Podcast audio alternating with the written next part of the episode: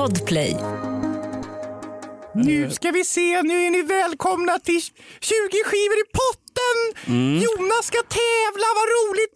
Eh, kan du, kan du få frågor att svara på här Jonas? De är Det här- jättelätta och så vinner du någonting! Det här är tydligen en drift med min släkt. Jag har inte fattat det, men folk har berättat för mig att där sitter du och ondgör dig över... Jag orkar inte, jag orkar inte prata om det här. Jag orkar inte prata om en podd, jag behöver spilla ut hela mitt liv här. Välkommen till podden Off Limits. Varje vecka tar vi upp aktualiteter, banaliteter, sånt vi har varit med om och framförallt sånt vi absolut inte har varit med om men som vi absolut fritt kan sitta och fabulera om. Idag en lång hyllning till en ståtlig kille i marinofficerens uniform. Nej, inte Stig Bergling utan Prins Philip. Prins Philips eh, frånfälle ska vi givetvis titta på. England är i sorg så mycket så att det är stenkastning och mordbränder på Nordirland. Och det har vi inte haft sedan 1970-talet under det så kallade troubles. Nej, det var på tiden att de återkom. Ska vi prata om den där lilla elefanten som dog i fångenskap Ja, i det, Sverige? är, det är inte speciellt trevligt. Nej, jag vet, men det måste ändå avhandlas. Och Måste ska vi prata om Jonas vidräkning med Skansen och barndomen när han utsattes för ett eh, övergrepp eller om det var han själv som övergrep. Nej, men det var en klassresa som slutade med en trasig toalettdörr på damtoaletten på Skansen. Vi ska grisa runt i det självklart. Ingenting är preskat här. Och sen också mikroaggression. Mycket intressant, eh, kommit på modet. En gammal del av eh, psykologisk vetenskap som härrör från ett universitet i USA från 70-talet. Men nu har den kommit på modet igen. Ja, nu påstår sig Faktiskt. svenska debattörer att det är en svensk uppfinning. Det tror jag absolut inte. Ingenting är svenskt för att Mikro. citera Alfred Nobel. Sen ska vi prata om gamla polischefer. Vi ska prata om gryningspyromanen Ulf Bergström som lyckades med konststycket och var ute i exakt fyra timmar. Fyra timmar. Ah, Jag satt i två år och kom ut fyra timmar gripen igen. det finns hopp om livet. Välkommen till kalifatet off limits. Sent var det här! Dina kvarglömda barn Jonas Nilsson och Hans Wiklund hör du normalt sett i rockklassikers morgonshow. Morgonrock som sänds 5.30 till 9. Det här är våran podd, det här är Off Limits och i studion också demonproducenten Lindskov. Har du för avsikt att lämna studion Lindskov? Yes, Får jag be att du gör det på en gång? absolut. Stort tack. Då börjar vi nu. Off Limits nu, för att citera Mogens Glistrup och Olle Söltoft. Nu kör vi för helvete mot Köpenhamns Hovedbanegård!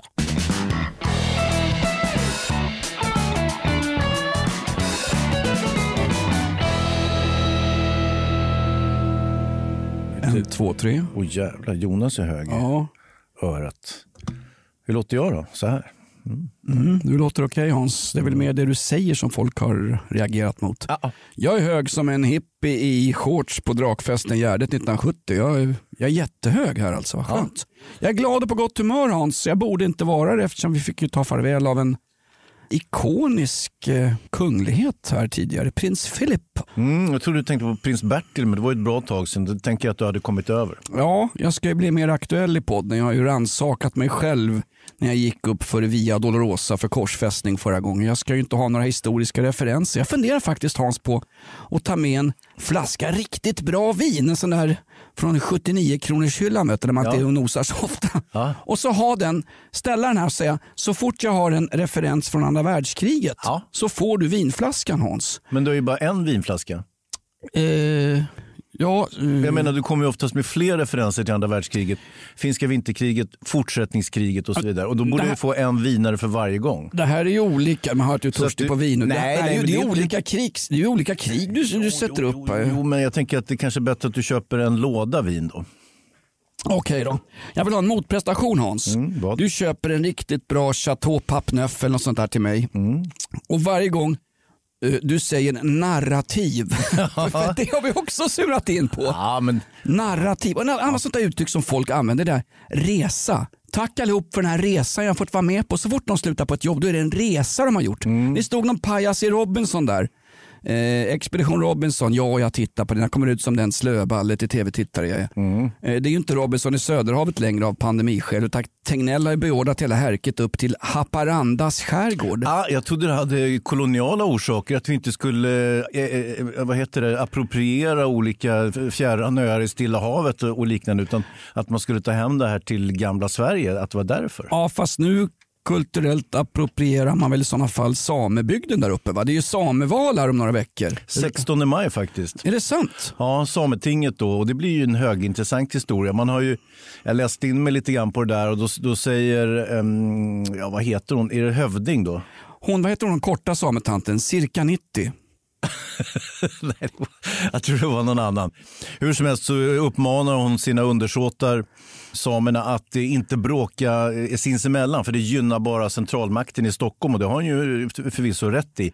Men alltså någonstans... att, att de skulle få mindre bidrag om de bråkar med varandra, men det tror jag inte. Demokrati är väl att bråka inom rimliga gränser. Att, att, själva demokratin förutsätter ju en stark opposition. Annars har vi januariavtalet av allting. Liksom. Ja, precis. Men Sametinget har inte så lång demokratisk historia. Det har inte funnits så länge. Nej. Så att eh, de, kommer, de håller väl på att lära sig så att säga att eh, så småningom. Men, och de har ju viss påverkan. Ja, va? Får jag gissa att Stockholm betalar utbildningen de ska lära sig? Det är ju det enda parlament, här kommer det lite bister kritik här. Mm. Det är det enda parlament i världen där du måste ha en speciell etnisk bakgrund för att ha rätt att delta i valet. Ja, det är sant. Men, du har, du har ju... men Roger Pontare har väl inte, han är väl inte etniskt korrekt? Han verkar ju vara med ändå. ja. han, är väl, han är väl lika lite sam som du? Nej men på riktigt, det är, det är ju ganska märkligt det där alltså. Mm. Och sen är det som jag har förstått det, jag kan ingenting om det här, så fort en stockholmare pratar om samer, de är ute och cyklar, det är ungefär mm. som att eh, Soran Ismail skulle bli barn och eh, jämställdhetsminister. Fakt Ihop med Fredrik Federley. ja, Hörru du, hörde du om Federley förresten? Mm. Just när vi hade glömt bort honom, just när han suttit hos Karina Bergfeldt och inte fått en enda kritisk fråga utan det var gästerna som fick ställa honom mot väggen. Ja. Då kommer han ut igen med sin spade och gräver hålet ännu djupare. Då skulle han ställa upp som han skulle ställa upp i kyrkofullmäktigevalet i Gagnef. Just det.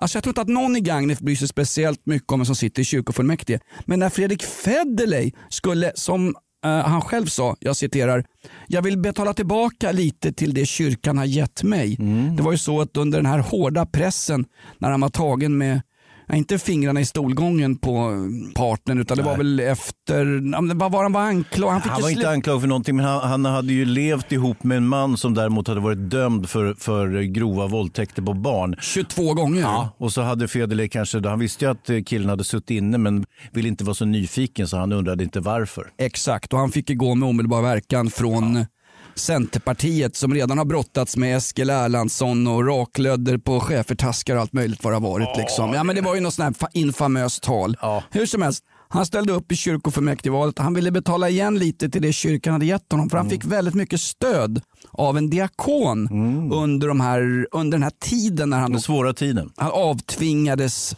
sin 140 eh, 000 kronor i månaden, lön nere i Bryssel etc. Ja. Eh, och då fick han mycket hjälp av kyrkan och så skulle han då gottgöra kyrkan och ville hjälpa till lite. Mm. Är, inte, är inte det rimligt Hans, att man, om man vill hjälpa kyrkan, att man går dit kanske och brer lite smörgåsar till någon hemlös, gör något soppkök, eh, sorterar biblarna efter högmässan. Det är väl liksom mm. inte att nu vill jag hjälpa kyrkan, jag vill gå in och bli chef över kyrkan ja. här just i Gagnef. Nej precis, han kunde ha valt alltså... kanske att vara, vara, vara dirigent för gosskören eller någonting. Men samtidigt kanske Nej, finns det, det är Bosse Hansson Aha, som är. Men det finns ju kanske en öppning för Federley här i Sametinget om du nu ska Jag tror inte det ska, vara mer, det ska inte vara mer öppningar för honom hörru, i narrativet Federley. Aha, det räcker okay. med öppningar. Så Sametinget är inget att tänka på för hans del? Han får ju inte vara med där eftersom han inte är et, av etnisk bakgrund. Hur vet du det? Hur har du skallmätt honom? Hur vet man det? Det är ju som han professor Herman Lundborg i Uppsala på 20-30-talet. Det är ju det vi fortsätter betala till samerna för. Den skiten som han ställde till med och ja. plågade samerna och, och mätte huvudet på dem. Eh, Gud vet varför.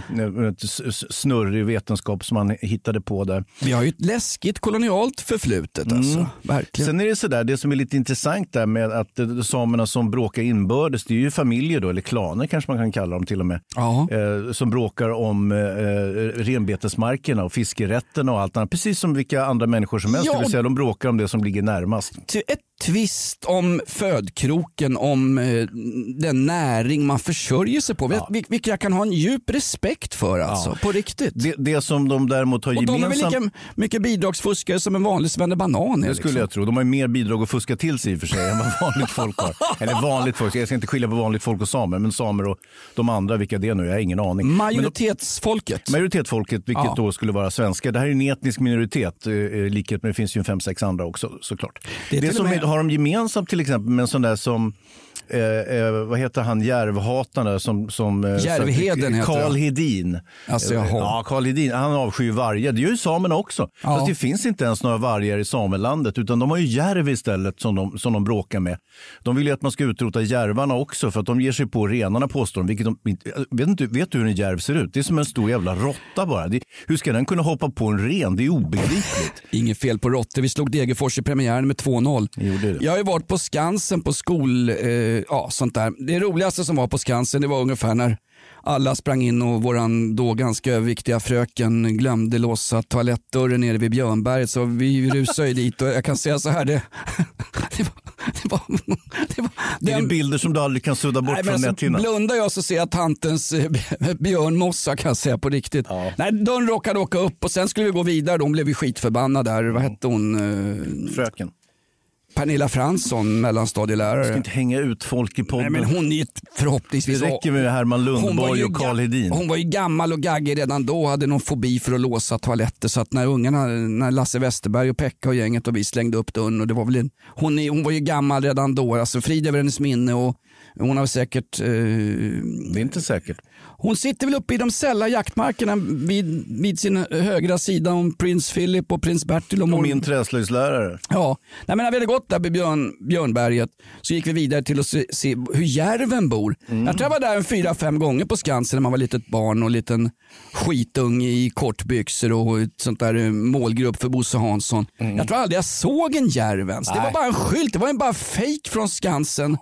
Det fanns ju inte ens en järv. Skygga, men så småningom så släppte de ju ner kloakråttor därifrån och loss, målade om dem så såg de ut som järvar. Klakråttor från Tjernobyl som väger 70-80 kilo styck. De väger som Putin i kroppen. Ja, det konstiga med att de här miljökommunisterna på Söder i Stockholm och Enskede, att, att de vurmar så mycket för samernas sak när de också vill krama vargar, vilket samerna verkligen inte vill göra. Så det, det går ju stick i stäv, deras, deras eh, ambitioner och funderingar. Jo, men är det inte, är det inte systrarna Märik som alltid är där uppe? Maxida och eh, Ica Maxi Märik.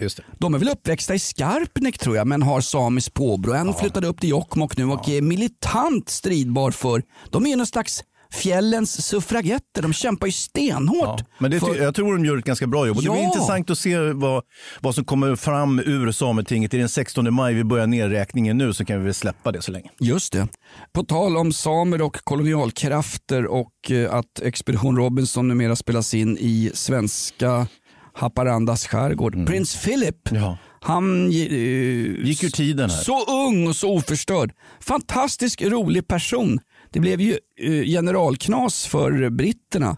Just har de överlevt Brexit och just har de överlevt Mexit. Meghan stack väl till USA Mm. när hon inte kunde stänga en dörr på Bentleyn i rätt tid. Det var väl därför hon fick lämna kungahuset. det Ja, han fick ju massa- våldsam kritik för det. Ja, jo just det. Hon satt ju isolerad och de hade tagit nycklarna från henne. Hon var ungefär som Rapunzel uppe i sagoslottet. Ja. Nu kommer det ju fram brittiska krögare och eh, folk som har drivit restauranger. Hon var ju ute ganska ofta och, och käkade middag med tjejerna som vanliga tjejer gör i London. Hon var inte så förbannat isolerad som man kan tro. Det var ju inte så att hon satt som liksom Breivik efter attentaten på Utöja, isolerad. Nej, eller som, som gamla svärmor, eh, prinsessan Diana, för hon kändes ju tämligen inlåst innan hon började Ja. åka på shoppingresor till Paris och, och till eh, Arabemiraten och sådär. Men jag, jag tänker på det där med prins Philip, det var ju hemskt att han skulle gå bort den här veckan. Samma vecka så öppnar de pubbarna i England, eller hur? Ja, ja.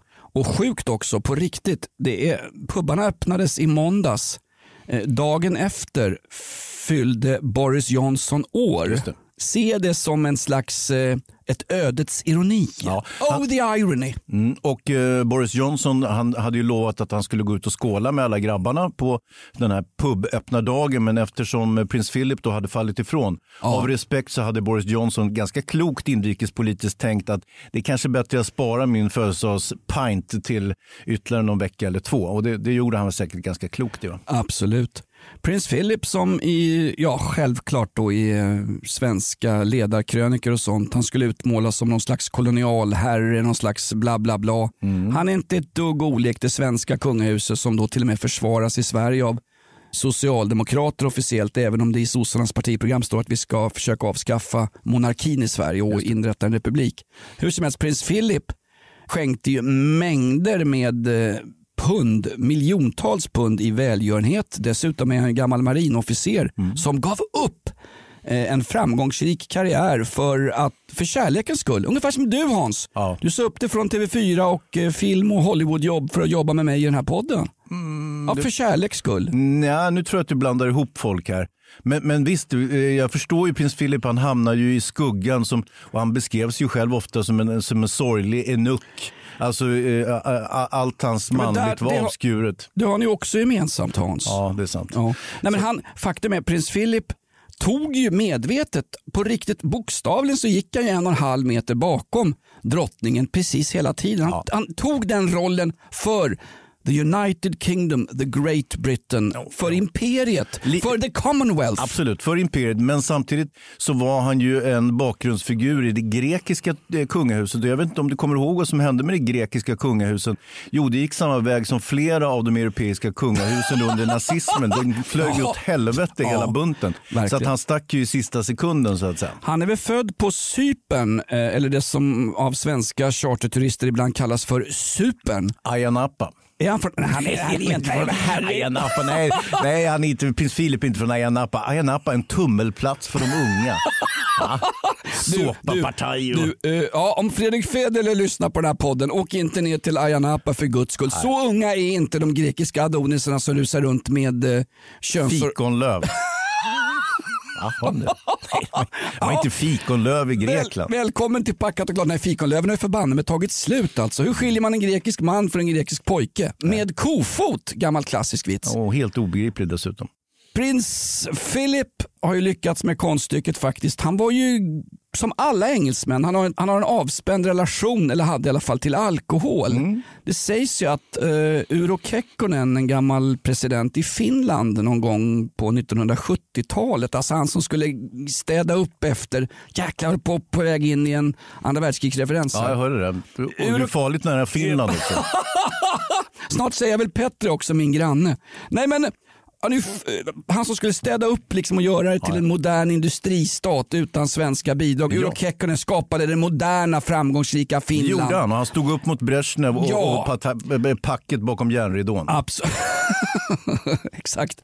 Det sägs att prins Philip under ett statsbesök till Finland, jag tror 1976, googla gärna skiten där hemma gott folk, så lyckades han med konststycket att under bastubesöket, det var ju alltid ett bastubad som ingick på den kvällen och Urho Kekkonen gjorde som en grej att han ville alltid supa ner eh, de digniteter som kom och hälsade på Ja. i hans ämbete i Helsingfors i hans gigantiska bastu. Prins Philip sägs vara den enda som efter att engelska ambassadören avsvimmat fick bäras ut ur bastun. Några hovfjoller också som tillhörde Finland, de hade fått nog. Kekkonen fick nog. Klockan fyra på morgonen i den här infamösa bastun eh, hemma hos Urho Kekkonen så plockade han fram sitt eh, trumfkort.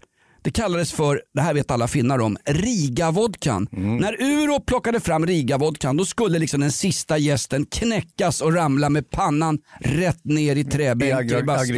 ja. Prins Philip sitter stolt i ryggen, ståtlig som han var. Fotomodellämnet Prins Philip sitter kvar. Tar Riga-vodkan, kroppen börjar behandla den. Han släpper väl någon riktig sån där Johnny Senap brakar i bastun. Men sitter kvar Mm. och till slut vill Uro Kekkonen lämna bastun. Oj. Så prins Philip, det får vi ta med oss som en legacy. Ja, jag. Sist sitter kvar i bastun efter Uro Kekkonen. Förbanne mig inte dåligt. Nej, absolut. Men jag vet, vi har pratat om det här i podden tidigare, att man ibland tillskriver kungligheter, i synnerhet de svenska, olika egenskaper och talanger som de rimligen inte kan besitta. Och det är kan- till exempel att, att eh, prins Bertil var så himla bra på boll och så bra på att köra bil, men, han var ju helt värdelös. Gustav V var duktig på tennis. Nej, det var han inte. Folk las ju. Inte bara, Men inte bara unga killar, utan Ska du- alla las ju under hans match. Och det kan ju vara så att, att prins Philip inte alls stod pall i bastun Ja, och dessutom inte alls var någon, någon, någon, någon hedersman eller någon med stiff upper lip. Utan, utan, Snälla Hans Wiklund, ska du, ska du, ska du ta smygalkoholismen ifrån framlidne prins Philip? Det är Nej, ovärdigt den kan den här behålla. tjosan tjosan-podden. Ja, Ja, Jag bara, jag bara höjer en, en varningens finger förstår du Jonas. Jag, jag, jag vill förhålla mig lite kritisk till allting, synnerhet till det du säger. Det, är det, det är det bästa med dig Hans. Mm. Du har en kritisk hållning. Tänk om svensk media överlag hade den här kritiska hållningen. Det här är ett betalt samarbete med Villa Fönster. Du behöver lite mer tryck nu Jonas. Tryck! Villa Fönstersnack med Linnea Bali. Villa, villa, fönster, fönster, fönster med Bali, Bali, Bali. Jonas, nu tänker jag lära dig lite om Villa Fönster. Lär mig baby. Villa Fönster är en rikstäckande leverantör av fönster och dörrar till dig som konsument och byggföretag. Och vet du vad Jonas? Vadå? Jag har en spaning. Ja. Det som gör dem så unika är att de har Sveriges bästa leveranstid. Ja, det går undan har jag hört va? Ja, det gör det. För man tänker kanske som konsument så här, åh nej, det här kommer ta så lång tid. Men inom tre veckor alltså så har du ett svenskt nyproducerat fönster som är redo för omgående avhämtning eller leverans. Oj, oj, oj, inom tre veckor. Är det inte så också, jag har hört ryktena, de har Sveriges största fönsterlager va? Ja, med 500 olika varianter av fönster. Och eftersom de allra flesta av oss vill ha olika storlekar på fönster så kan Villa Fönster dessutom göra anpassningar såsom spröjs, spaltventil med mera. Oj, oj, oj Linnea, du övertygar här. Du vet inte vad en persedel är för någonting, men spröjs och spaltventiler. Här har jag nästan läst på universitetet om det här. Ja, och är det någon som har koll så är det Villa Fönster. Historisk referens här. Har du? Ja, alltid. Ända sedan 2008 så har Villa Fönster alltid haft visionen att erbjuda kvalitetsprodukter till rätt pris och kortast möjliga leveranstid. Ja, jag är nöjd Med vad då? med vårt Villa Fönstersnack. Villa Fönstersnack med Linnea Bali. Villa, villa, fönster, fönster, fönster med Bali, Bali, Bali. Tack Villa Fönster. Ett poddtips från Podplay. I fallen jag aldrig glömmer djupdyker Hasse Aro i arbetet bakom några av Sveriges mest uppseendeväckande brottsutredningar. Går vi in med hemlig telefonavlyssning och, och då upplever vi att vi får en total förändring av hans beteende. Vad är det som händer nu? Vem är det som läcker? Och så säger han att jag är kriminell, jag har varit kriminell i hela mitt liv men att mörda ett barn, där går min gräns. Nya säsongen av Fallen jag aldrig glömmer på Podplay.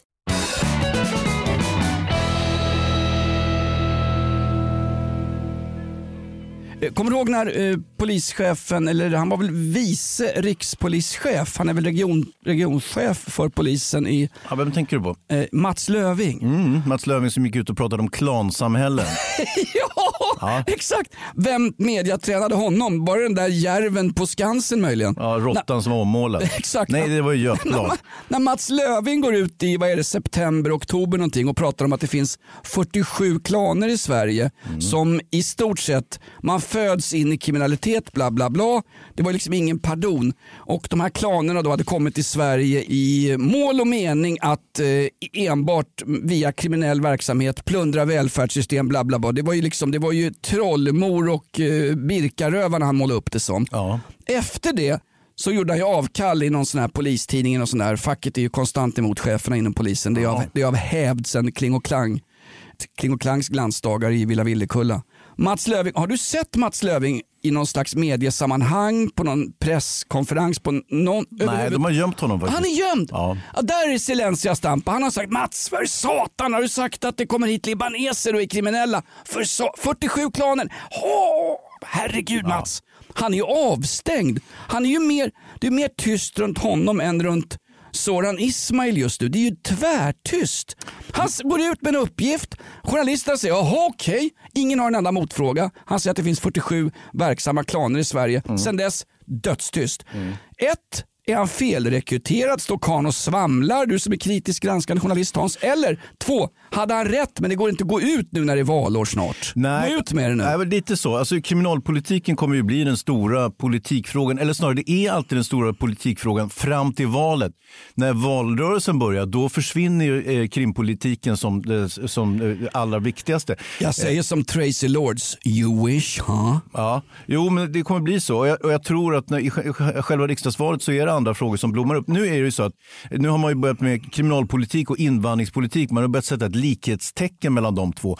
Och invandringspolitiken kommer ju att ha betydelse fram i, i, när vi går mot val och sådär. Jag tycker du är rasistisk som säger invandringspolitik. Jag vill kalla det för migrationspolitik. Ja, okej. Jag är Skedvi, ny ansvarig för Miljöpartiet. Ja, Okej, du, får kalla, du får kalla det vad du vill. Men det är väl Tack. så. Många hävdar ju då att, att, eh, eh, att det liksom kommer inte bli samma fråga för att det handlar mycket, att kriminalitet kriminaliteten styrs mycket av den fria rörligheten, flyktingmottagande och den här vidhängande migrationen eller möjligtvis brist på integration eh, och att det skulle då ha med viss brottslighet att göra. Så, att, så tillvida så kommer de där säkert att bli ganska viktiga frågor. För de hårdare tag som vi ser nu ifrån Damberg, ja, nu ska vi ju faktiskt låsa in folk som inte kan uppföra sig på gator och torg eller annat. Det är ju, det är ju sånt som för 20 år sedan skulle räknas ungefär som stockkonservativt liksom Toryvälde från Storbritannien. Är det prins Philip som vill låsa in folk och kasta bort nyckeln? Nej men någonstans, Ja. ser, alltså det är en helt annan tonträff Så är i, i politiken. Absolut. Och, och det som är nytt är väl egentligen det är att det, det är politiker och de som vi kallar för vanlig menlighet, vanlig pöbel, pöbel och plebejer, de som du och jag och en del Här andra också. mig! Här har ni mig! Pöbeln. ja. Plattarsle Det är ju- men går ändå och röstar. Exakt, och det är, ju, det är ju de eller vi då som, som gapar på hårdare straff och sådär. Däremot så har ju då eh, kriminologer, som det finns allt fler utav eftersom det är lite av ett modeyrke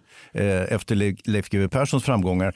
De hävdar ju konsekvent att det finns ingen, det, det, det, det hjälper inte med hårdare straff. Det är helt meningslöst. Det har ingen bäring på brottsligheten och sådär. Nej, men någonstans måste man väl stänga av de som inte kan uppföra sig på gator och torg. Vi hör ju om vad, vad, var det snack om tidigare, den här gryningspyromanen Ulf Bergström. Ja. Han kommer ju ut rakt ut på stan och så plopp åker han in igen. Ja, han satt inne eh, två år och tre månader för den senaste eh, anlagd, eller försökte anlagd eh, mordbrand. Och, eh, han kom ut på förmiddagen och sen snöt han på eftermiddagen.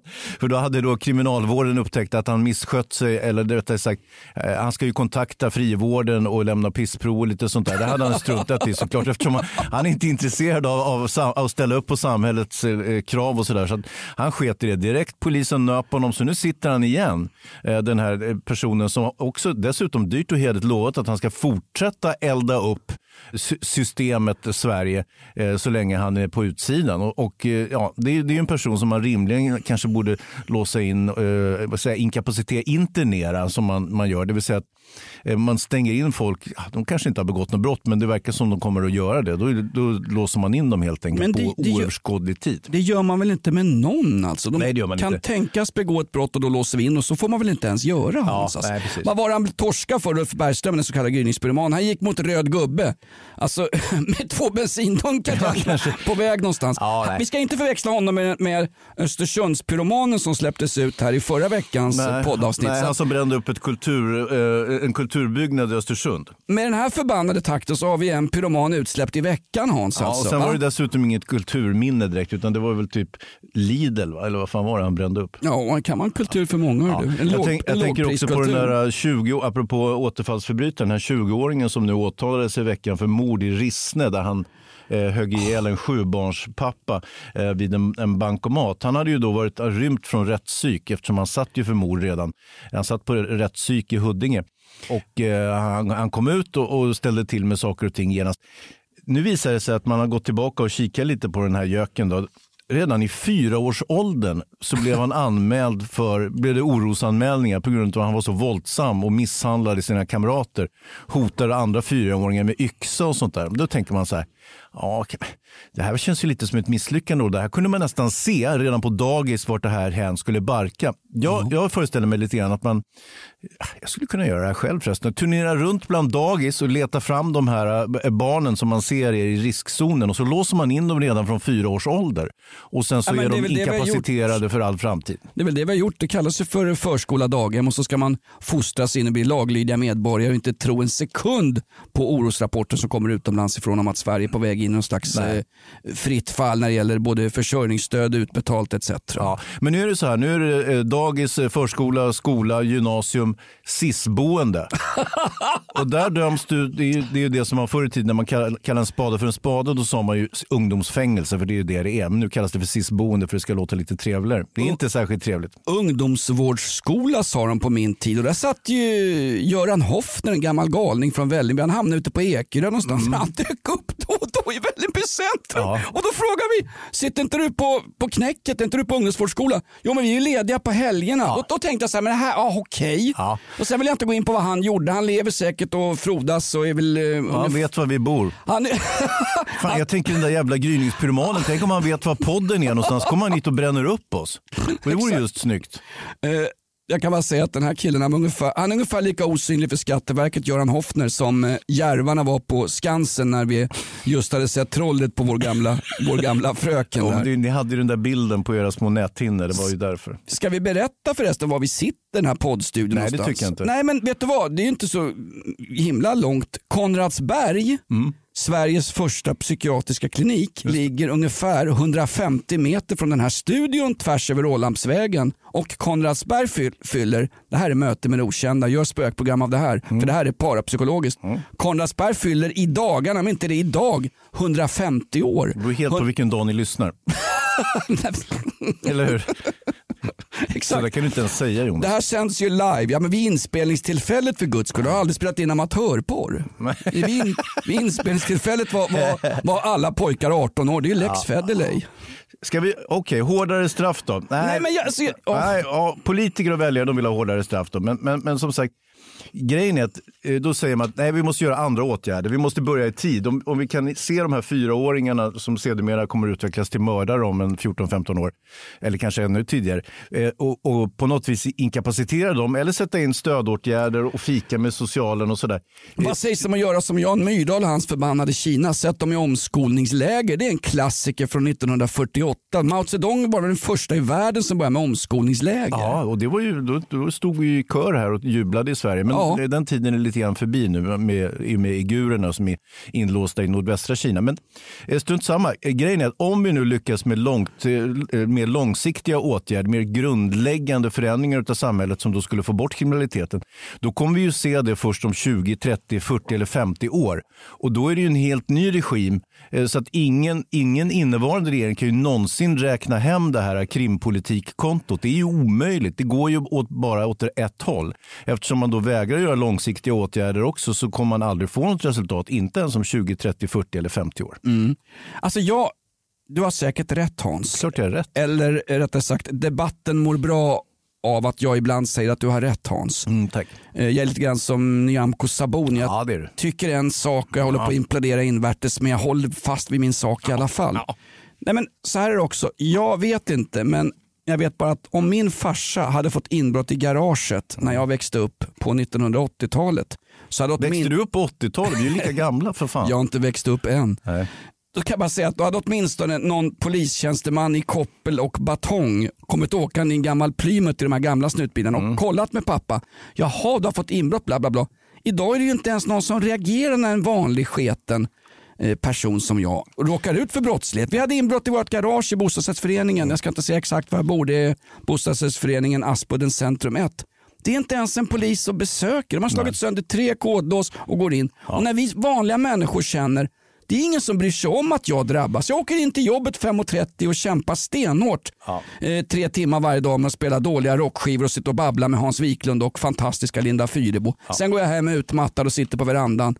Om ingen bryr sig om att jag råkar ut för brottslighet, då börjar jag ju lyssna på vilka teoretiska teorier om vad som helst för att få bort brottsligheten. Ja, just precis. Gär- Gärna olika sammansvärjningar och konspirationer. Nej, men apropå, men det är nej, men apropå med det här brottslighet som inte Om min löst... unge kommer hem och har fått en, en, en kniv i, jack, i nacken. I jackan? En kniv i nacken för att bli av med jackan. Ja. Och ingenting händer. Nej. När de inte ens får tag på, på gärningshän. Nej. Då blir jag som person orolig. Då, slut, då slutar jag ju tro på det. Och då, då, då är demokratin i fara. Då är det förbanne med värre i det här landet än när de införde söndagsstängt på Jag ska Systembolaget. ge ett litet exempel Jonas på eh, eh, demokratin som är i fara och rättssamhällets eh, slutgiltiga haveri här. Eh, rättshaveristernas triumfer. Och apropå lösta brott, 95 procent av alla eh, våldtäktsanmälningar eller sexuella ofredanden når aldrig till fällande dom. 95 procent. Så det är 5 procent som så småningom når till fällande dom.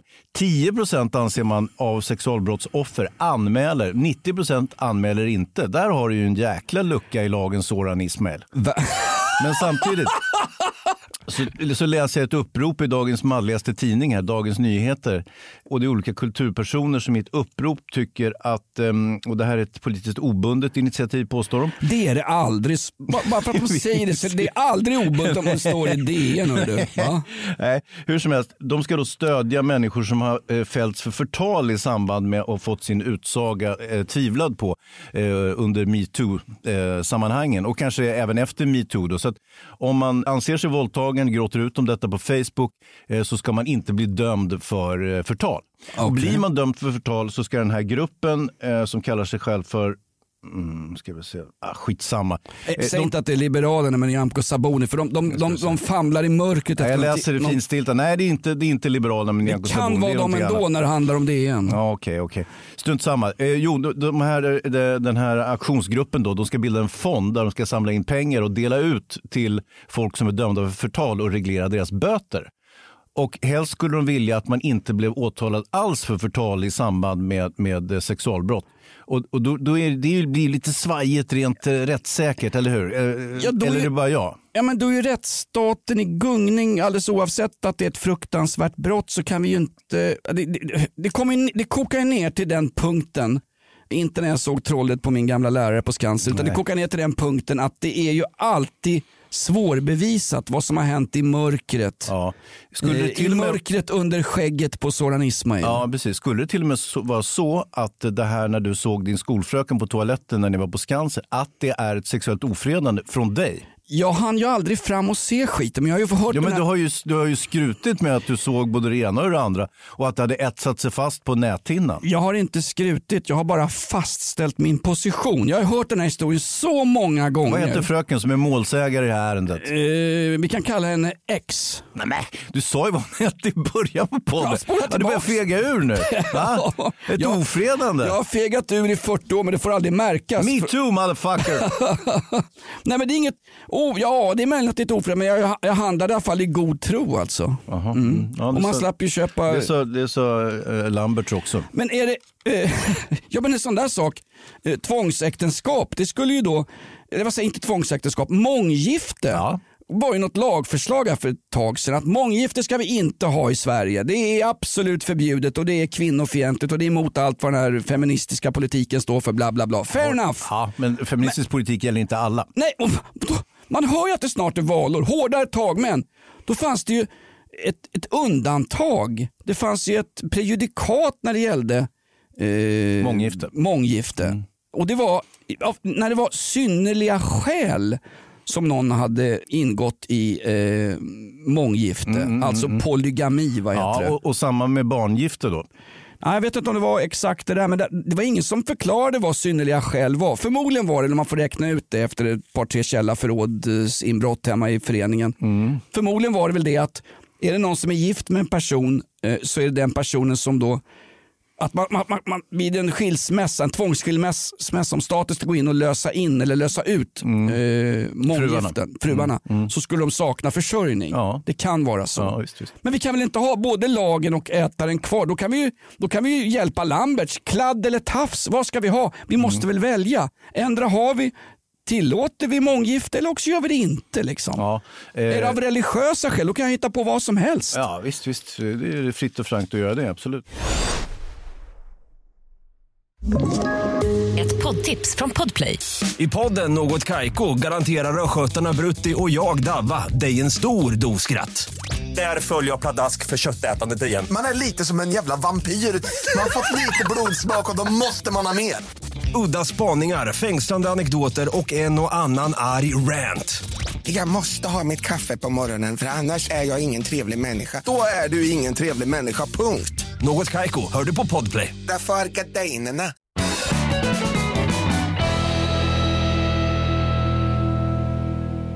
På tal om giftermål du Ja, Hans. ska du gifta dig? Eh, Tack för erbjudandet Hans, men, men den, här, Nej, inte- ja. Mm. den här vinflaskan behåller jag. Nej, men du såg något, har du sett det här fantastiska programmet Älskar, älskar inte på kanal 5? Ja, visst. Som tar trash-tvn till en helt ny nivå. Ja. När man liksom, nu är det inte Morgan och Ola-Conny som ska ingå i registrerat partnerskap i något varuhus i Ullared. Ganska nära. Ganska nära. Ja. Det är ju fantastiskt. Har du sett? Ska vi, för våra unga lyssnare som inte ser tablå-tv, vi kan väl gå igenom lite snabbt. Det handlar alltså om, det är en reality-såpa, Ja. kanal 5, den heter Älskar älskar inte. Det är svenska privatpersoner Mm. som beger sig utomlands, oftast då i en slags kolonial, eh, det, det, det är man kolonialt blandat. ibland Ja. kallar för tredje världen. Ja, det är lite blandat Jonas. Det är, det är olika uh, distansumgängen mellan svenskar och utländska medborgare. Och så småningom ska man träffas och uh, se om man kan leva ihop och eventuellt kanske gifta sig. Eller framförallt gifta sig. Det verkar vara slutmålet så att säga. Ungefär som en svensk alkis gick till ABF, Folkets hus och så träffade någon som var inte så skelögd och så blev det ett äktenskap och man kunde leva trevligt och vara fri från våldsbrottslighet och eh, lönarbete och betala in, och f- betala in sin del till staten. Man var självförsörjande. Det här är ju länge sedan, det hör man.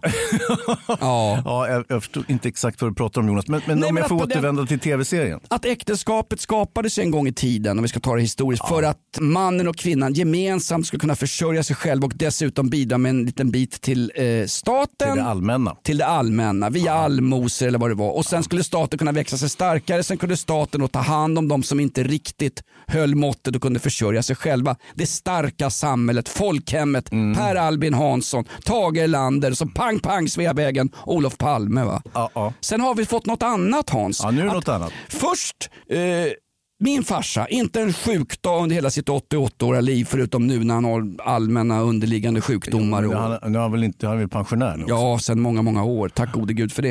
Nej, men först, hela systemet byggde ju på att först så betalade de som kunde in till systemet mm så att de som inte pallade med eh, arbetstempot, löneslaveriet, de fick då pengar, och man kanske skadade sig på jobbet, då fick de pengar av den stora starka staten. Idag är det så att de flesta egentligen inte vill betala in pengar till staten. Skattemoralen har ju urholkat i Sverige, det kan du kolla vilken SIFO-undersökning som helst. Ja, men sen man inte så mycket att välja på om man inte ska begå skattebrott. Nej, men, eller, avancerad skatteplanering. Ta den här Timbuktu, vad heter han? Jason Diaktikte som pratar om det solidariska samhället bla bla bla. Han har väl fem olika bolag, skatteplanerar för fullt. Obs! Begår inga brott. Men han skatteplanerar för fullt för, för att slippa den moraliska delen av... Ah, jo, jo Ah, det jag- kan du googla själv. Nej, men jag, jag, jag dribblar också med olika bolag men det är ju inte, det är inte skatteplanering det handlar om Nej egentligen. men det gjorde man inte förr Hans, när det fanns en pliktkänsla. Nej, för då Jag- vart man ju utskälld om man hade eget bolag. Då var man ett kapitalistsvin som skulle förvisas till saltgruvorna i Sovjetunionen med vändande post. Eller Numera till- får man ju faktiskt driva ett bolag utan att bli misstänkliggjord. Jo, jag vet det, men, jo, men jag pratar om skatte... Det här gamla vänstersnacket det klär inte Jonas. Nej, men det är inte vänstersnack Hans. Det är bara hur man bygger upp ett starkt samhälle. Och när vi har då Malmö där man betalar ut över en miljard i försörjningsstöd årligen. Så det är klart att Malmö då måste få Robin Hood-skatt av rikare kommuner. Men vad händer den dag när vi inte har Och några... samerna ska ha sitt. Vad händer den dag då inte staten har de ri... när vi inte har några rika kommuner som kan betala ut någon utjämningsskatt till fattigare kommuner. Jag Vad kan- händer då Hans? jag kan svara är vi, på det, Jonas, Är vi i Grekland då? Får vi springa runt då och vara prins Philip i kortbyxor när han föddes på Cypern när det inte fanns några fikonlöv ens? Nej, I Ayia Napa på, på Cypern när han föddes. Vi pratade ju så trevligt här om den här tv-serien Älskar älskar Vi skulle prata kärlek och romantik och så började du babbla om gammal socialdemokrati som Nej, jag det är så gjorde- tråkigt. Jag- Kan vi prata om kärlek nu? Jag pratar om Kan vi prata om kärlek Jonas? Kärlek för mig är ett starkt folkhem Hans. Ja. och midsommarafton och sitta i en bastu med Nordiska rådet och dricka vin. Det är finnarna, det är inte vi. och dricka. Finnarna är vi Hans. Ja, är ska du kissa på vårt broderfolk? Nej, det ska inte. Vårt gamla timmerförråd. Ja, de, bygg, de byggde landet. har jag berättat om min vän Petri? Ja, några gånger faktiskt. Hans pappa var med i finska vinterkriget vart skjuten i arslet av ryssarna. Lögn. Det var hans farfar faktiskt. Petri förresten, han är ute. Hans... Är han ute nu? Ja, men han har ju flyttat. Det roliga är, de firar påsk ihop, han och hans ex. Jaha. Och hon verkar intresserad av att eventuellt starta upp det här på nytt. Oops. Samtidigt som, vi kan kalla honom P, jag vill inte gå in på hans namn. Samtidigt, samtidigt som han är ute och flöjtar runt på Tinder. Det nya på Tinder nu är att man träffas och tar en promenad. Det är corona-safeat vet du. Jaha, ja, Han, han är så jävla trött sa han Petter på att gå på promenad med massa kvinnor han överhuvudtaget inte vill träffa ändå. Nej. Får jag prata lite om Älskar, älskar inte nu, den här roliga tv-serien på Kanal 5 som handlar om olika eh, Sven Banan som eh, har lyckats via sociala medier träffa personer på andra kontinenter. Det kan vara Afrika, eller eh, Sydostasien, eller Brasilien eller eh, Sydafrika till exempel. Framförallt är det väl den där afrikanska mannen som någon tjej har träffat. ja. Det, det är fantastiskt bra bra TV. Jag skulle inte kalla henne för tjej. Hon känns ju lite mer medelålders. Yng, yngre än oss. Ja, det undrar jag. Hörru du. Yngre än oss. Kolla årsringarna på den där. Ah, hur som helst, det, det är ingen suttit- duvunge. Hon har suttit och rökt gula Blend under en köksfläkt. Det är ingen duvunge. Det är däremot hennes, föremålet för hennes kärlek. Hon har ju åkt ner till Kenya för att hon har förälskat sig i en Masai-kille. Ja. Och Masaien ser ut att vara i 18-19 års ålder. Eh, Och är, han är ju lite, han är lite, ska vi säga, lite vag både vad gäller ålder och vad han faktiskt heter. Det upptäckte ju hon här, för, här förleden att Masaien hade lite olika namn beroende på vad han skulle göra för någonting. Ett namn på körkortet och så vidare. Men det är och ett inte- namn på passet och lite sådär. Men det kan ju vara att han hade väldigt många namn så han kunde kanske välja. Ja, skitsamma, det spelar ingen roll. Men hon är väldigt misstänksam mot den här unga Masaien som verkar superhärlig. Fast Och han vill ju dessutom- hellre hänga med sina grabbpolare. han vill sitta med sina grabbar och dricka bärs precis som vilken annan 18-19-åring heller. Inte eh, liksom sitta med någon 40-årig tant från Kramfors eh, som är nere där. Och eh, bröllopet gick av stapeln tror jag eh, hyfsat och nu ska de unga Tu, ja båda är inte unga då, men, men de, Tu eh, ska flytta till Sverige och, Ma- och Masaien ska bli svensk medborgare i med det här äktenskapet. Är det och sant? Ja, så får man väl hoppas då att, det här, att de lever lyckliga alla sina dagar. Men jag är tveksam för hon har en jävla, hon jävla bekäftig. Hon liksom skäller på honom och beter sig illa. Jag tycker hon har något kolonialt över sig om jag ska vara helt ärlig. Sen finns det en annan Har rolig... hon, har hon vad man sa förr, grosshandlarfasoner? Ja. Att man är lite mer, att man är lite, Lite för mer. för mer än andra. Någon Ja. slags von oben-attityd. Lite grann som Wolodarski har på Dagens Nyheter gentemot skribenter som kanske inte passar hans agenda. Som till exempel Hanne Kjöller som hamnar i frysboxen. Exakt så är det. Och Hon skryter med sitt Ullared och han har bara någon lerhydda. Ja, fast hellre lerhydda än GKs. Ja, det får du. Det kan jag säga. Ja, kan vi säga. Och sen har vi det andra paret Får jag bara också. fråga en sak? Hur kommer hur kom hon ens i kontakt med Men det är en... inte för fan inte jag. Nej, men vänta nu. Tinder Kenya, jag har Det ingen är en aning. adekvat fråga. En Masai-krigare, sitter han och, och har koll på Facebook? Oh, ja. För det, Jo, men Masai är inte som det var förr i tiden Jonas. Du tittar på såna här gamla journalfilmer av Sven Hedin när det står liksom några killar och hoppar med spjut. Det är inte alls så. Masai är modernt folk ska du veta. De, de, de, han, han, är, han är fullt utrustad så att säga. Ja, det hoppas jag hörru. För att när du sa att bröllopet gick av stapeln så förmodar jag att hon, hon hamnade på stapeln på bröllopsnatten också. Det vet Ska inget de ha, var det inte någon som hade något barn här också? Nej, men- vad heter den här Ja, killen? men det- det han, nästa- heter, han heter ju Hakuna Matata. Det betyder ju, jag vill också ha åt tillgång till välfärdssystem. Ja, han heter inte det. Han Nej, vad någonting heter han? är- det är ju omöjligt att veta. Han hade så många namn. Skitsamma, vi lämnar dem. Det hade Sen har vi ett roligt, eh, roligt par också och det är den här eh, killen från Bjuv som, som har träffat en kvinna från Thailand som är himla check och, och liksom frejdig, tuff, rolig. Han är jättetråkig. och dessutom är han misstänksam mot henne också. Och vi ska inte tala om, om svärfar. Han är också eh, misstänksam mot eh, den här unga thailändskan som är för övrigt är gravid. Och han, eh, eh, svärfar där är oroad över att det kanske inte är hans barn. Och dessutom verkar han orolig över att hon kanske inte ens är någon kvinna. Och de, de är väldigt misstänksamma mot henne. Fast hon är skithärlig och vill ha kul. Och eh, när han bjuder på tacos så spottar hon ut dem på golvet, vilket jag Nej. också skulle göra om någon, om någon bjöd mig på tacos. Och dessutom så, så eh, träffade hon svärfar och drog ut på en liten tur med häst och vagn som man gör i Bjuv.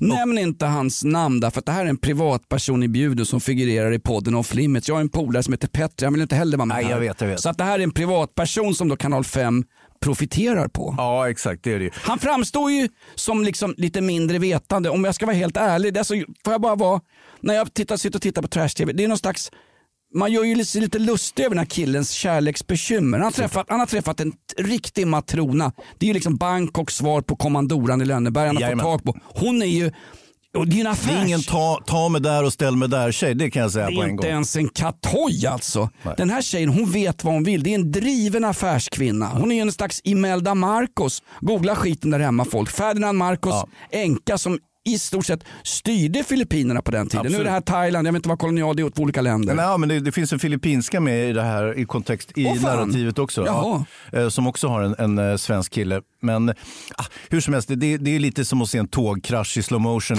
i hela serien. Men det är ändå ganska roligt. Och det här att folks kärleksliv och, och folks förstånd blir utnyttjat i eh, dokusåpa-tv. Det är ju ingenting unikt Jonas. Det är ju hela konceptet. Det bygger på det. Det ska ju vara så. Och jag kan ju tycka att det är lite sorgsamt men samtidigt kan man inte avhålla sig från att titta. Eftertänksamhetens kranka blekhet sprider sig upp över dina hormonstinna kortisonfyllda kinder Hans. Det är exakt därför vi sitter och tittar. Det är ju precis därför. Kom den där jävla Lindskov in. Ja just det, Lindskov. Vi pratar om kärlek på distans här. Så kul att du kunde komma, så vi slipper den där distansen mellan oss. Exakt, du, sitter ju tre meter bort här Ja, Lindskov. producenten Lindskov, är en eh, demonproducent va? Säger vi inte det? Absolut. Älskar, älskar inte på kanal 5. Mm. Är det det bästa vi ser på tv just nu Hans? Eller det, man känner sig lite ful. Det här är som att gå in och hosta i en hiss där det står någon annan. Man, man känner sig ful. Man känner sig skyldig utan att ha gjort någonting. Det är som att gå in och... Något skit har du säkert gjort Jonas. Jo men jag, ser, jag, jag har tittat på programmet. Ja. Jag har inte gjort något annat kan jag säga. Det är som att gå när man har varit på en weekendresa i Amsterdam Mm. pre-corona. Bara man gick genom tullfiltret från en Amsterdam-flight i, till Arlanda så känner man sig skyldig Med det jävla haschmolnet runt hela kroppen. Fast man var helt oskyldig. Ja. Skiten hade ju lämnat blodet och kroppen för flera dygn sedan. Mm, ja. Nej, men så är det. Vi har väl hunnit med det mesta idag Hans. Det? Mats Löving, tystad eh, hög polischef. Elefantungen som gick bort på Kolmården. Det var för jäkla tragiskt. Hörru. Vet man varför de här elefanthonorna eh, honorna, eh, stötte bort honom ur flocken? Den här lilla elefantungen blev ju som en Soran Ismail. Han var ju Ja. persona, elefanta non Elefanten grata. non grata, ja, precis. Nej, väldigt lik Sorans öde faktiskt. Och eh, de skuffade runt honom tills han inte klarade sig längre. Och, och det är Han hade att, ju liksom Soran ingen styrsel på snabeln. Nej, jättetråkigt men jag hoppas väl att han får en dokumentär den här elefantungen åtminstone. Hur. Det får Cissi Wallin ordna. Hör du, hur kommer det sig att en elefantunge på en zoologisk trädgård i Sverige väcker mera medkänsla än 12 000 döda folkpensionärer och hemtjänstmedarbetare i en pandemi i Sverige? Alltså, det Eller är det bara en sem- är det bara en symbol? Nej, nej, men det stämmer ju. Alltså, barn har ju en eh, tendens att relatera, att identifiera sig med djur. Och ofta så kan det där hänga, upp, eh, hänga med långt upp i åldern, lite beroende på hur man intellektuellt och känslomässigt utvecklas. Att man, att man, att man ter sig mer till djur, att man tyr sig mer till djur, att man, att man tar djurens liv på större allvar än mänskligt liv. Att, och det är också lite mer nära på något sätt en elefantunge eller någon gammal eh, skruttig pensionär. Då känns det ju, elefantungen känns ju mer liksom Jag känner mer för järven på Skansen som men det är, jag- de har inga järvar, de har råttor som de har målat om. Ja, ja, men hur som helst. Jag känner mer för dem än jag kände för den här stackars gamla lärarinnan som råkade missa och stänga toalettdörren Ja, vid Björnberget. du och dina kompisar stod och tittade på henne och det var ett ofredande. Nu är det preskat det, tyvärr. där, det där faller på sin egen orimlighet. Jag hade inte en enda kompis i skolan. Nej, det hade Nej, inte. hade jag inte. Men det, vilka var de andra då? Som, var det aporna? Någon, någon... Var det, det var dina, dina kusiner aporna som stod där? Nej, det var det faktiskt inte. Jag har, eh, jag har aldrig haft säsongskort i Djurgårdens matcher så där, där, där, den fick du mig inte på Wow. Hans. Lindskov, vi har fått namnförslag till programmet Jalla Jalla. Sissu? Sisu? Ja. Men vi Sisu. ska göra något svenskt. Först arabiska och nu finska. Vi ska ju ha någonting som, som klingar svenskt. Vadå, är du inte mångkulturell? Jo, det är absolut. Men de har sagt att det, det, är, det är inte bra för en podd att ha ett utländskt namn. Okej. För folk tror att det är utlänningar. För det var just därför, eller var det inte så Lindskov? De skulle ta bort namnet Off Limits därför att folk trodde att det här var en amerikansk tjosan tjosan podd. Exakt. Ja, och så skulle vi ha ett helt svenskt namn. Vi tänkte döpa det till Ja, vad är det mest svenska som finns? Fäbodjäntan, Migrationsverket, Systembolaget eller skatt på plastpåsar. Greta Thunberg med vänner. Ja, fast det där är ju våra sponsorer. Vi kan ju inte ha samma namn som en sponsor. Och då, för då, då, då faller ju konceptet. Så att säga. Utan vi måste ju vara fristående. Okej. Mm, Hade vi fått något förslag? Nej. Vi hade fått förslag här. Hjälp, vi har köpt en bondgård. Det är tydligen ett program på SVT. Ja, det är taget. är det Men om, taget om redan? vi köper något, något skräprucke, ska vi köpa det där som Ebba Busch på tallar uppe i Uppland? Där, den där sophögarna. Vi köper in den och så får vi någon dåre och betala för renoveringen. Och så flyttar vi in så sänder vi podden därifrån. Du, jag, Lindskov. Kanske den där lilla Bergman också. Just det, Oliver Bergman. Eh, Pondus. Pontus. Pondus. Ponduspodden. Det De finns hade... ingen pondus i den här. Det är två veklingar som sitter och Men det finns, finns väl inga off limits här också. Det, man fick, jag fick ett mail någon gång när någon sa så här. Det är så skönt, ni säger exakt det man inte får säga. Jag säger bara vad jag tycker. När blev det liksom persona non grata? eh, vi har mer eh, Mein Dampf, Ja. Ah.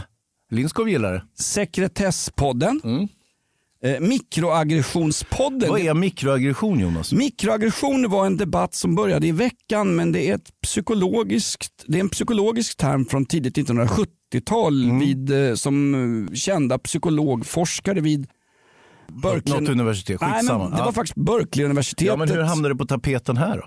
Därför att Alexandra Pascalidou tog upp det här med att man som journalist på Ah. Sveriges Radio och SVT råkade ut för mikroaggression. Just Att folk det. gav en små gliringar för att man jobbade just som journalist, hon är i och för sig frilans. Mm. Att man jobbade som journalist på Sveriges Radio eller Sveriges Television. Att man fick små, små, små gliringar. Aha.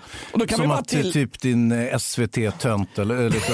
Eller? Ja, ungefär sånt. Men det gör ni väl inte på Sveriges Radio? va? Nej. Och hon tyckte att det var jobbigt. Hon Mm. sa att det kan till och med gå så långt att folk inte berättar att de jobbar som journalister åt SVT eller SR därför att de råkar ut för mikroaggression. förstår jag kan bara säga så här, jag har en polare som jobbar som väktare i Stockholms tunnelbana. Han har makroaggression varje dag på sitt jobb. Ja. Eh, och ta bara de här som kollar biljetterna på bussar. Varje dag blir de kallade både för H-ordet, R-ordet, P-ordet och F-ordet. Vilka ord var det där nu då? Ja, det får ni googla hemma. Ja, det får vi googla. Det går lite för ja, men jag fort för alltså. Den klassiska mikroaggressionen det är ju annars att man så här, om, om, en, eh, man, om en kvinna gör någonting bra så säger man till den här kvinnan det där var väldigt bra gjort. Då känner hon sig kränkt för hon misstänker att jag sa det bara för att hon är kvinna och att kvinnor normalt då inte kan göra någonting bra. Och jag Ja. säger att det var bra att hon gjorde det. Så betyder det precis motsatsen, förstår du? Det är en mikroaggression. Ungefär. Jag blir fan förbannad på det här. Någon, någon som inte ofta gör något bra, som gör något bra, som får höra här fick ni till det. Då säger man att normalt sett får ni inte till det. Men det, det, det är, alltså, Hans, jag satt och läste en, en debattartikel av Alexandra Pascalidou om mikroaggression. Du fångar i tre meningar. Ja, jag gjorde ju det. Men, men man, Du är ju kvickare än, än att En köra... Thomas Quick ja. Men det finns den klassiska mikroaggressionen, det är ju den här och den tror jag alla har använt sig av. Det är när man sitter och äter middag med goda vänner och så mm, smackar man med munnen. Det, går- Åh, det, här, det här var faktiskt gott. Vadå faktiskt gott? Ja. Det är som att jag har utgått från att det ska vara svinäckligt för att det är den här klantskallen som har lagat mat och så visar det sig vara gott. Faktiskt gott. Det är en mikroaggression. Samma sak som i ett annat sammanhang när en politiker säger ska jag vara helt ärlig så innebär det faktiskt att ska jag vara helt Ja, ärlig? det vore väl kul. Är för en gångs skull. Vad, vad är du annars då i sådana fall? Ja, helt Exakt. oärlig. Absolut. På tal om helt oärlig. Vi. Mikroaggressionspodden. Ja, och jag vill bara, min poäng med Alexandra Pascalidou, det är säkert skitjobbigt att vara journalist på Sveriges Radio, men att sitta i Ring P1 och sortera åsikter varje morgon. Eh, Jag tycker hon gör det himla bra där. Ja, exakt. Ja, det är bra Hans. Eh, vi gjuter olja på vågorna. Nej, exakt. men jag gillar Alexander Pascalidou. Det sticker jag inte under stol. Vad är det som är bra med Alexandra Pascalidou? Allt de... möjligt. Okej då, odefinierbart. Det är bra. Jag gillar faktiskt Alexandra Pascalidou. Mikroaggression, där kom den. Ja, jag är ledsen för den. Jag vill bara säga att det finns folk som har yrken där man råkar ut för makroaggression. Mm. Vårdbiträden, hemtjänstare, folk som jobbar i... eh, Polis. Ja, polis. Exakt. Brandkåren. Har inte du som är krimreporter Hans, har inte polisen problem med att det är väldigt många unga tjejer som har blivit poliser slutar med att vara polis därför de orkar inte åka runt och bli kallad för H-ordet typ varje tjänstgöring? Nej. Det är ett problem. Ja, och, och, det är till, och det är av kollegorna det. inte ens av klienterna. Jävla svin inom polisen. Lägg av, sluta säga H-ordet till kollegorna. Ja, exakt, exakt. Tukteriet, de sista ljuva... Vad står H för förresten? Hans? H står för Hans. Vad sa vi här då? Ponduspodden har vi tagit upp. Eh, Kladd eller tafs, det är insänt av Göran Lamberts uppe i så...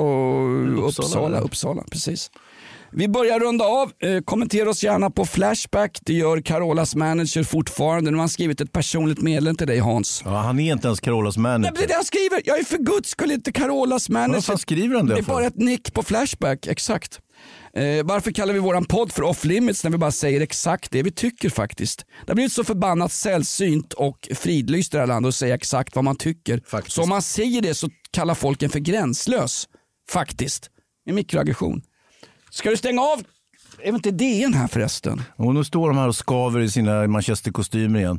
Wolodarski och Schulman. Och... Du, Wolodarski skulle inte nedlåta sig till att sitta och podda. Vet du. Det, här, är- det här är ju galärerna i media-Sverige. Vil, vilken pajas som helst, som i vårt fall, kan ju få en mikrofon och lite studiotid. Är det här våra mikrofoner? är de påslagna Lindskov? Kommentera oss gärna på Flashback, gör som Carolas manager och Biggies62. Lovebomba oss eller hata oss, det viktiga är att du säger vad du tycker på Ja, vi riktigt. behöver faktiskt inte hata oss. Det har vi inte gjort oss förtjänst av. Eller har vi det? behöver faktiskt inte hata oss sa du nu. Ja, okej. Hata oss du, då. du är ett propp, hela din stomipåse är proppfull med mikroaggression Hans. Den får vi ta och tömma här faktiskt. Eh, kommentera oss gärna på Flashback eller kommentera oss på iTunes. Scrolla ner våra 110 avsnitt och där kan du sen kommentera oss. Det är faktiskt bra. Eh, sprid podden, de försöker tysta oss. De försöker göra som de gör med Mats Löving, den här rikspolischefen som pratar om 47 kriminella klaner. Eh, de försöker stoppa budskapet. Exakt. Ska vi dra in åren för idag Lindskov? Ja, det här verkar bli en jävla konspiration. Det här avsnittet var faktiskt ganska kul. Åh. Lindskov. Ridå. Ett poddtips från Podplay. I fallen jag aldrig glömmer djupdyker Hasse Aro i arbetet bakom några av Sveriges mest uppseendeväckande brottsutredningar. Går vi in med hemlig telefonavlyssning och, och då upplever vi att vi får en total förändring av hans beteende. Vad är det som händer nu? Vem är det som läcker? Och så säger han att jag är kriminell, jag har varit kriminell i hela mitt liv men att mörda ett barn, där går min gräns. Nya säsongen av Fallen jag aldrig glömmer på Podplay.